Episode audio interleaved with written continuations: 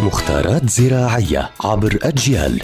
نتعرف في كل حلقة على سر من أسرار عالم الزراعة وفلاحة الأرض مع المهندس الزراعي مجدي عبد الله.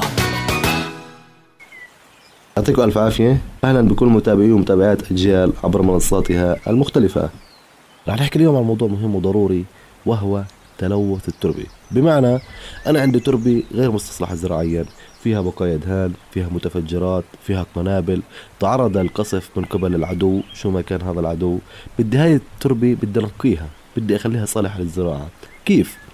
ممكن طريقة تقليدية طبعا إنه أنا بشيل هاي التربة بواسطة مجراف أو بواسطة الباقر أو بواسطة آلة.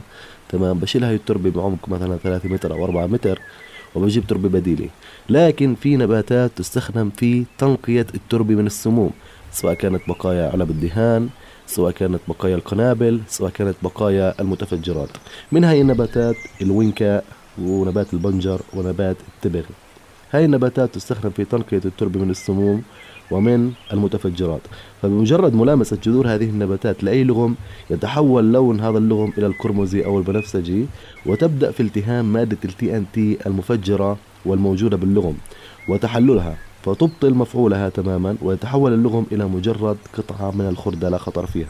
بمعنى هاي النباتات جذورها بتحتوي على سنسور.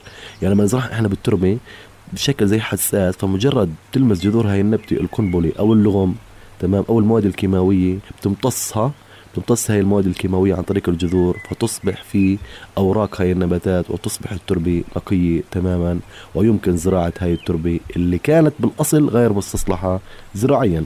فهذا موضوعنا اليوم وهو تلوث التربة وبعض النباتات التي تستخدم في تنقية التربة من الدهان وبقايا القنابل والألغام وبقايا المتفجرات. يعطيكم ألف عافية.